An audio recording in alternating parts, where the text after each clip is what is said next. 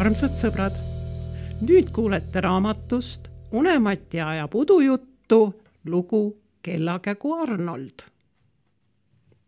kuku, kuku. kukkus Unemati Madli jalutsis. Madli oli just tegelenud unistamisega ja avas nüüd ehmunult silmad. kägu oled või? küsis ta Unematilt. kägu jah, vastas Mati. kellakägu. mis ajast sa kellakägu oled? uuris Madli. ah tead, hakkas Unemati rääkima. ma sain siin mõni aeg tagasi kokku ühe kellakäoga ja mulle väga meeldis, kuidas ta mitu korda kukku hõikas, kui kell täistundi näitas. kell üks hõikas üks kord, kell kaks kaks korda, kell seitse seitse korda. no tead ju küll. kuidas sa selle kellakäoga üldse kokku said? küsis Madli. Nad ju elavad seinakella sees.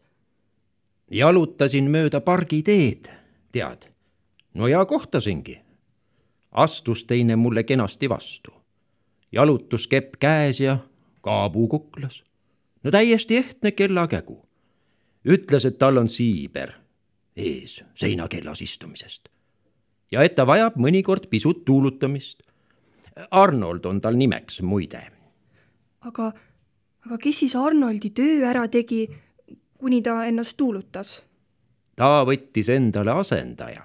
seletas Unemati. üks päris kägu, Gustav.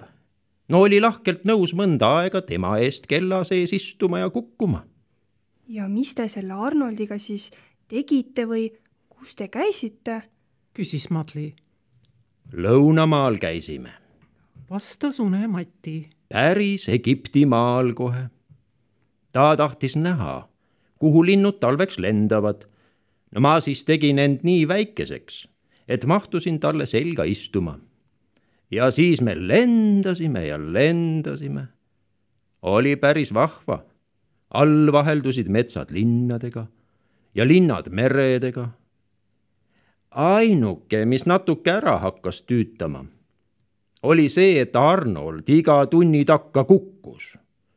ja kui sa istud kellakäo seljas, siis kostab see kukkumine maaru kõvasti ja lööb kohe kõrvad lukku, tead. no küll see lendamine, see võis ju ikka maru ilus olla. kujutles Madli. oli küll. Vastu tulevad linnud tervitasid ja lennukid sõitsid meist kaarega mööda, et otsa ei põrutaks. aga siis tekkis Arnoldil korraga munemise isu ja me pidime peatuse tegema. mida? küsis Madli. Arnold on ju mehe nimi. mehed ei mune. aga kellakäod ei olegi mehed ega naised. seletas Unemati. no neil polegi sugu. Sellepärast ka mina imestasin kui Arnold muneda tahtis.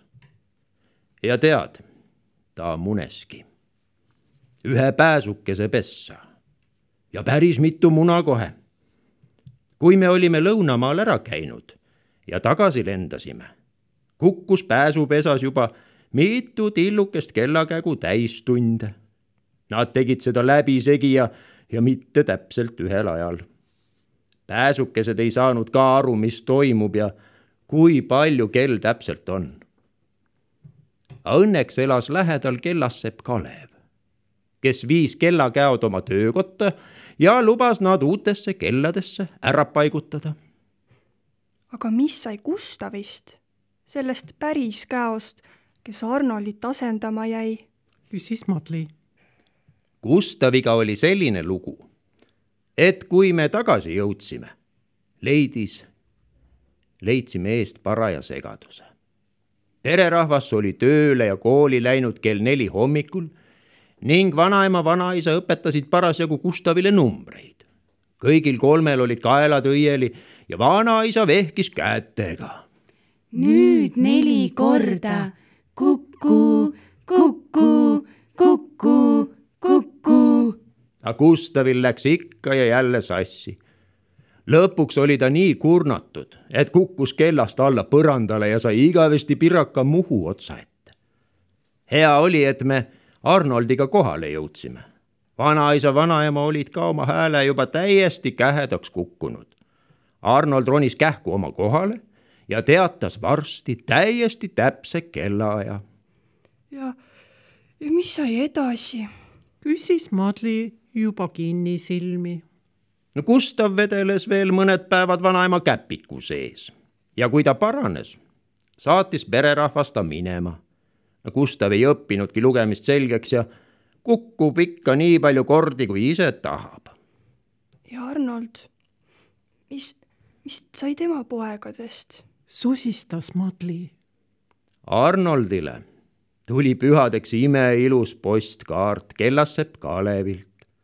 Postkaardilt oli mitu seinakella ja kellade seest olid vedru otsas väljas väikesed kellakäod. väga südamlik pilt oli. küll sa ikka ajad udu. naeratas Madli ja uinus unemati tegi hästi vaikselt kümme korda.